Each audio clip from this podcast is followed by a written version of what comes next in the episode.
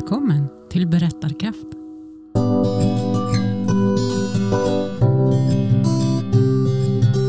Du lyssnar till Berättarkraft. En podd från Nordiskt berättarcentrum.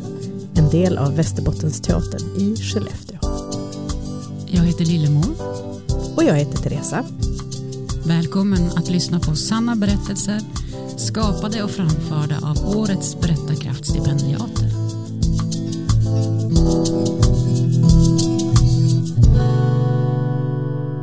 Hej och varmt välkomna till årets Berättarkraft 2022. En applåd tycker jag vi börjar med. I vårt tredje avsnitt ska du få höra de två sista berättelserna från Berättarkraft 2022. Och vi vill nu ta med dig till finalen. Föreställ dig, som berättare så har du arbetat hårt. Du har tagit till dig all feedback som du har fått av hela gruppen.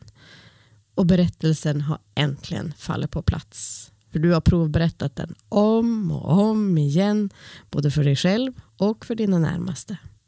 Och då är det dags för final. Mm. Scen två, Sara kulturhus, nästan fullsatt i publiken. Du hör ett sorl av människor som pratar i salongen. Men plötsligt, då går ljuset upp på scenen, ner i salongen och publiken blir helt tyst. Hur känns det då? Vågar du gå ut på scenen? Oh. Och ja, våra stipendiater de går upp tillsammans.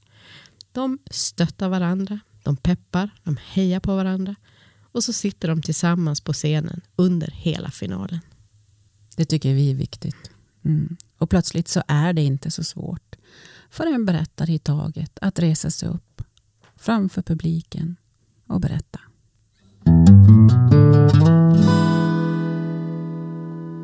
Jag tänker så att vi, vi hälsar dem välkomna allihopa ut på scenen på en och samma gång så ska jag presentera dem när de är här framme. Årets berättare, kom ut på scenen! Ja, välkomna hit!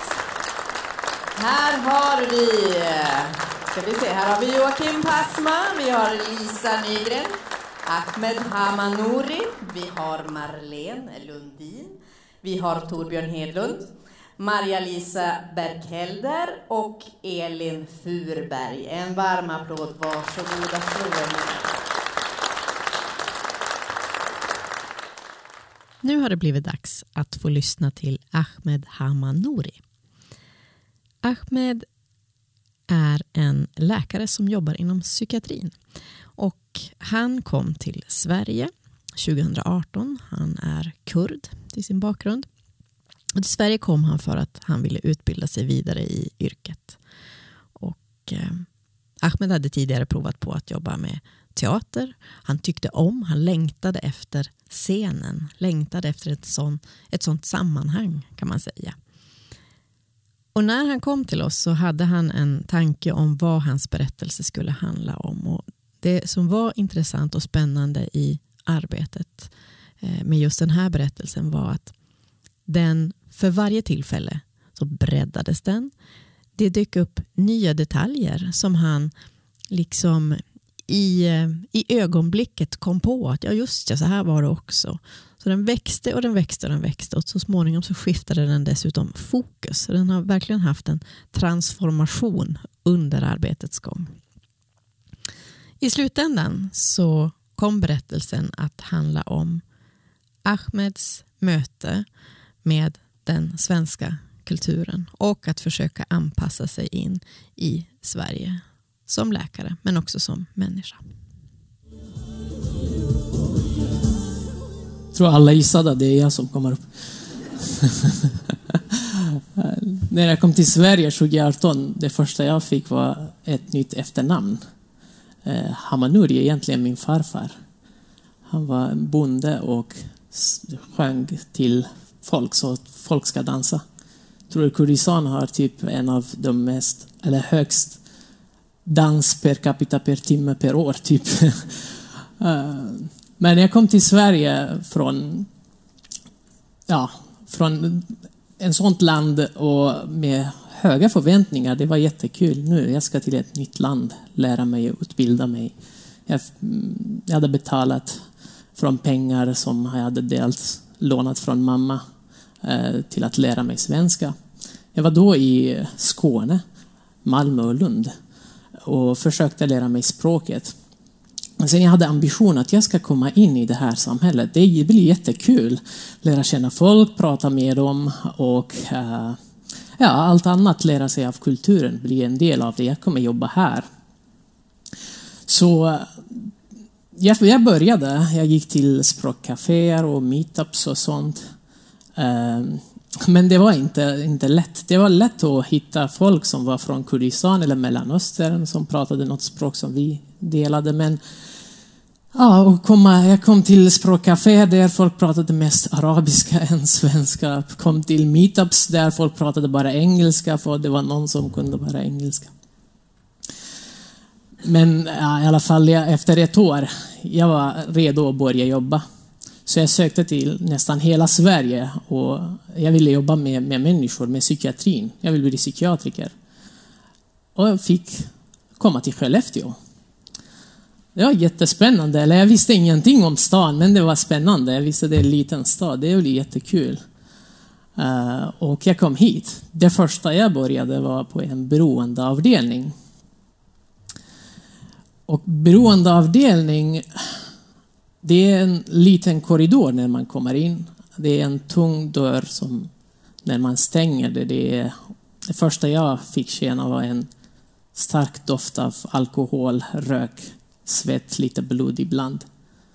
Sen man hör några sjuksköterskor bakom expedition som försöker med all sin tid att hjälpa de här kanske mest utsatta människorna i samhället. Eller för mig, det, det var då så.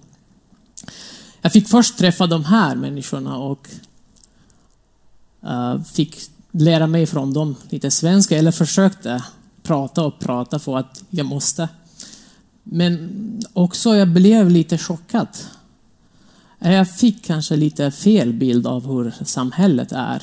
Då jag blev jag blev fundersam. Okej, okay, var har jag hamnat? Ensamma folk som dricker eller tar droger för att kunna hantera livet. Och det var varje gång var samma, samma historia. Och det var inte bara på grund av det, det var också att när jag kom hem, jag var också ensam i en lägenhet. En liten lägenhet som var halvtom som landstinget hade gett till läkare eller sjuksköterskor som kommer. Ja, vi hade bara en fönster med skogen och en TV. Och även när jag tittade på TVn, jag vet inte, nu när jag tänker tillbaka, det var bara program om hur folk är ensamma och utsatta under jul. Det var en program som hette The Swedish Theory of Love. Har någon sett den? Ja, det är bara om, om folk som är ensamma här och kvinnor som köper sperm från Danmark för att de hittar inga partner och det var okej. Okay.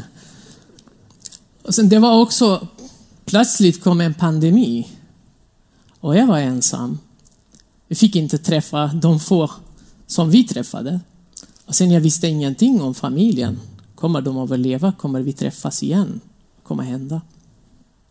Men oavsett, jag försökte med mina metoder att komma närmare folk.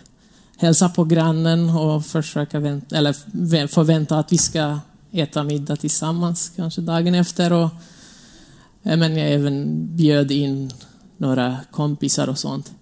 Sen folk också bjöd in mig. Jag hade kommit för att stanna sex månader. Och jag hade en chef som bjöd in mig hem till, till, sin, till sitt hus. Och fick vara, vara med dem, med familjen och barnen. Det var jättehärligt. Det, det gjorde att jag tänkte ah, att jag stannar. Jag har en bra arbetsplats. Så jag får försöka. Jag fick höra att i Sverige vill du socialisera så du, kommer, du ska komma till förening och så. Jag gick till en schackklubb det var jättehärligt. Eller härligt för att vi, precis, efter fem minuter, vi började prata med varandra och Eh, spela schack och så, men efter schacken slutade så alla gick hem. Nästan ingen sa hej då till, till mig i alla fall. men ja, så, så, så småningom började jag lära känna. Jag går på fikarummet och så.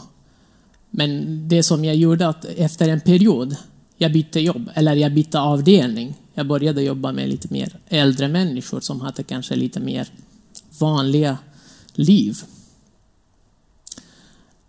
Det var, från början var det lite svårt att förstå bondska. Men efter ett tag, jag träffade en, ett par. De var jättehärliga. Det, det gjorde jättemycket med mig, det där, det där samtalet med dem. Eller jag pratade med, med mannen och sen med frun i telefon. De här paret bor i ett hus utanför Skellefteå i någon by. Där de har posten kanske 100 meter från huset. Varje morgon går det här mannen, hämtar posten och um, nykomna tidningen. En morgon efter att han kommer hem, han plötsligt kan inte röra ena arm och skjuts till, till sjukhuset och har fått en stroke. Jag är på lasarettet och ska meddela honom att han inte ska köra bil, åtminstone sex månader, kanske hela livet. Och när jag säger det här till honom, han blir lite, lite påverkad, men sen efter ett tag säger han, ah, men då får frun köra mig.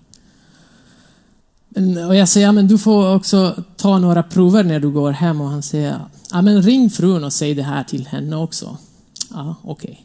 Jag ringer frun.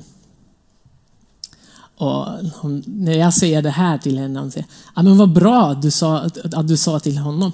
Varje gång jag säger att vi ska till hälsocentralen och ta ett nytt prov, hon säger, nej, jag ska inte komma. De ska bara hitta på någon ny sjukdom och du ska bli glad, typ. Men, och, det var jättehärligt att de, här, de hade levt tillsammans i 50 år.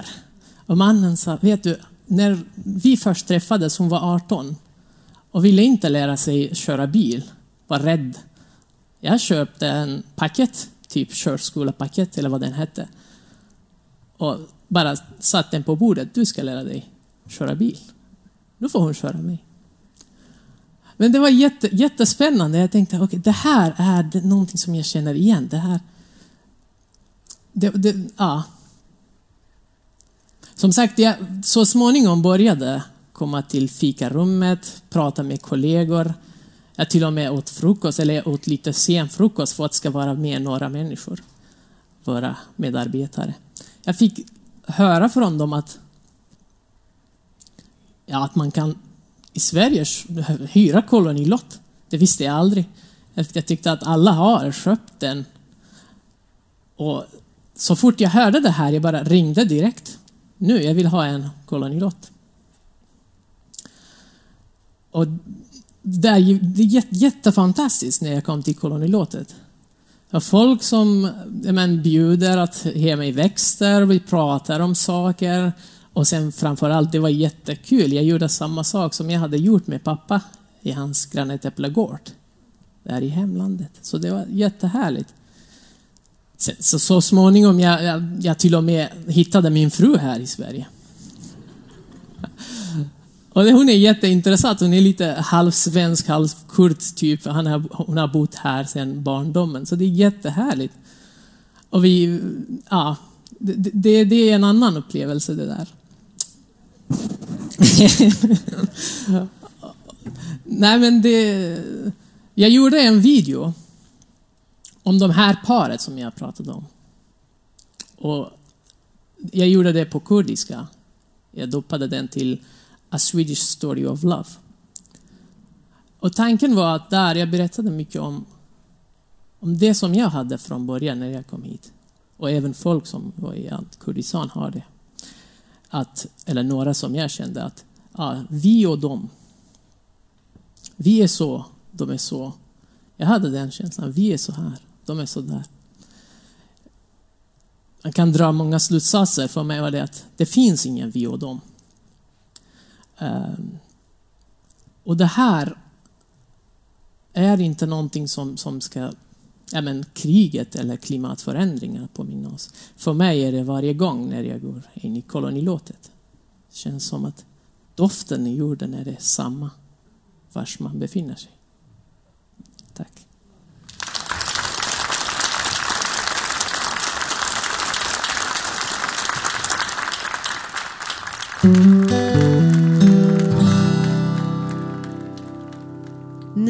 Ska vi få lyssna till Maria-Lise Berkelders berättelse. Hon är sjuksköterska och brinner verkligen för det här med god omvårdnad i livets alla skeden. Hennes önskan med att söka till Berättarkraft var att försöka få människor att förstå det stora i det lilla som arbetet inom vården innebär. Temat på Berättarkraft det här året var ju På ett ögonblick. Och för Maria-Lise så var ögonblicket helt glasklart. Och hon visste precis vad hon ville berätta. Vi kunde nästan uppleva att när hon kom så hade hon en färdig berättelse. Repeterad och klar. Men det hon behövde hjälp med det var hur ska jag berätta den här berättelsen? Hon är otroligt tacksam och glad över allt stöd som hon fick för att bearbeta den här berättelsen. Och hon pratar om hur spännande var att låta dramaturgin i berättelsen få växa fram. Att det var lite magiskt. Och sen att då få gå upp på scenen och framföra det här blev väldigt självklart. Och på ett sätt också väldigt enkelt.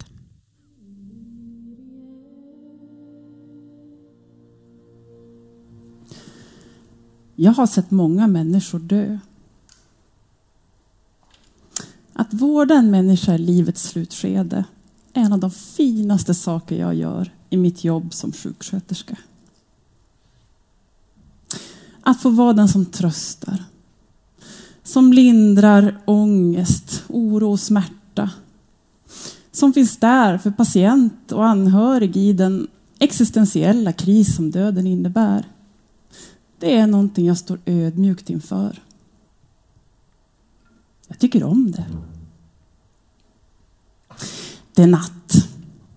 Det är mörkt i korridoren på infektionsavdelningen i Umeå. I det blåa ljuset bakom en skärm sitter jag och försöker hålla mig vaken.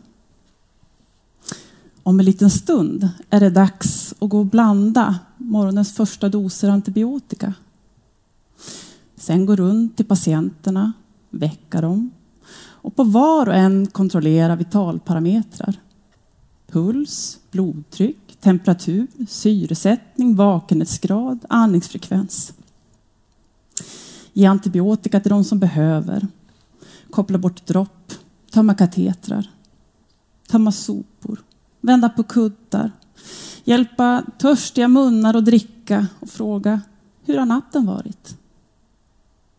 Men inte riktigt än. Det är lugnt på avdelningen, men över sjukhuset, Sverige och världen vilar ett orosmoln. En pandemi.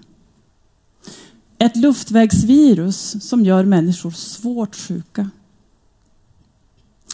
Vi har tagit emot de första patienterna och vi vårdar dem så gott vi kan utifrån det lilla vi ännu vet om det här livsfarliga viruset. Samtidigt så har allmänheten börjat uppmärksamma sjukvårdspersonalens arbetssituation. Det applåderas från balkonger och vi tar lite fnissande emot stora högar med pizzakartonger som har skänkts. Så ringer det på klockan. Min blick slängs upp i taket där larmet sitter. Covidsal. Det allra mest psykiskt och fysiskt påfrestande. Men jag är ju här för patienternas skull, så jag reser mig upp och går med snabba steg genom den mörka korridoren. Jag äntrar Slussen, som är det lilla rummet som skiljer patientsalen ifrån korridoren. Allt för att förhindra smittspridning. Här sker påklädning av den viktiga skyddsutrustningen. Så jag spritar händerna, tar på mig en andningsmask. Jag spritar händerna, tar på mig ett långärmat plastförkläde. Jag spritar händerna, tar på mig ett skyddsvisir. Jag spritar händerna, tar på mig handskar. Påklädningar och skyddsutrustning måste ske minutiöst för att ingen viktig detalj ska missas. Samtidigt känner jag stressen inombords över att patienten där inne behöver mig. Jag tar ett djupt andetag så gott det nu går genom andningsmasken och äntrar salen. Det är en stor sal. Den är avsedd för tre till fyra patienter. Men nu är den nästan till lekande tom. Förutom i ett hörn där det står en patientsäng omgiven av sängbord och apparater som pulsar och pyser. I den där sängen ligger du. Och du är så mycket kropp. En gammal, svårt sjuk människa. Du har diabetes. Du har hjärt och kärlsjukdom. Du har gikt. Du har artros. Och du har covid-19. Ur din kropp sticker det slangar. Du har sond. Du har dropp. Du har kateter. Och du har syrgas på högflödesgrimma.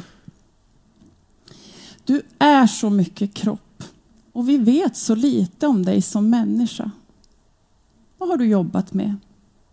Vad heter dina barn? Vilket lag håller du på i hockey? Och vilken är din favoriträtt?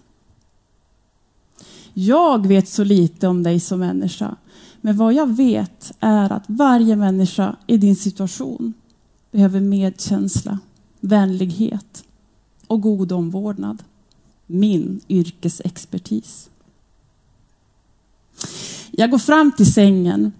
På sängbordet bredvid sängen ligger dina hörapparater med batterierna urplockade på för att sparas på under den tysta natten. Att kommunicera genom andningsskydd och visir är nästintill omöjligt. Men jag lutar mig fram över sängen och ser ditt ansikte. Din blick möter min. Dina ögon är rädda. Ska jag dö nu? frågar du. Mitt hjärta stannar. Jag översköljs av vanmakt och förtvivlan. Hela mitt inre vill slita av mig skyddsutrustningen. Jag vill kunna möta din blick utan en plastfilm däremellan. Jag vill kunna stryka din rynkiga kind utan handskar. Jag vill kunna ge dig ett leende. Jag vill kunna sätta mig ner bredvid din säng, hålla din hand, fråga hur var din barndom? Vad tror du väntar på andra sidan? Men jag kan inte.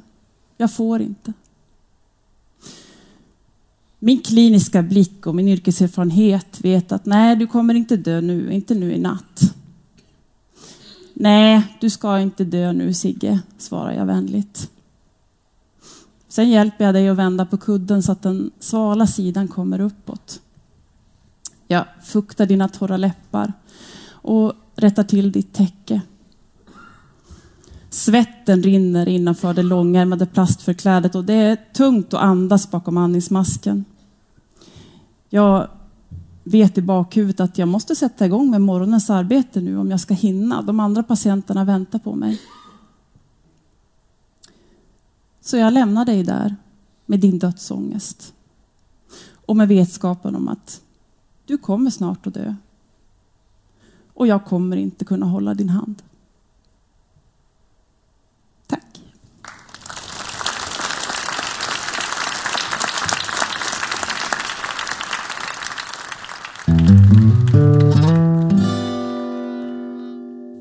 Om du vill veta mer om berättarkraft så hör väldigt gärna av dig till oss på Nordiskt berättarcentrum.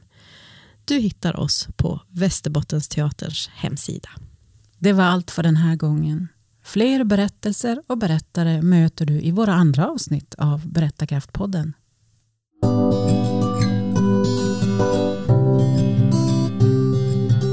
Ett stort och stolt tack vill vi säga till alla stipendiater i Berättarkraft. Tack för all möda och kärlek som ni har lagt ner på era berättelser och för ert mod att kliva upp på en scen och dela allting med en publik. Tack till Anna Speak för all feedback, klippning, editering, mixning och musik. Och Skellefteåkraft, tack för att ni gör det möjligt för oss att arbeta med berättarkraft och dela allting i den här podden. Men till sist, en berättelse behöver en lyssnare, så tack till dig som har lyssnat på Berättarkraftpodden. Thank you.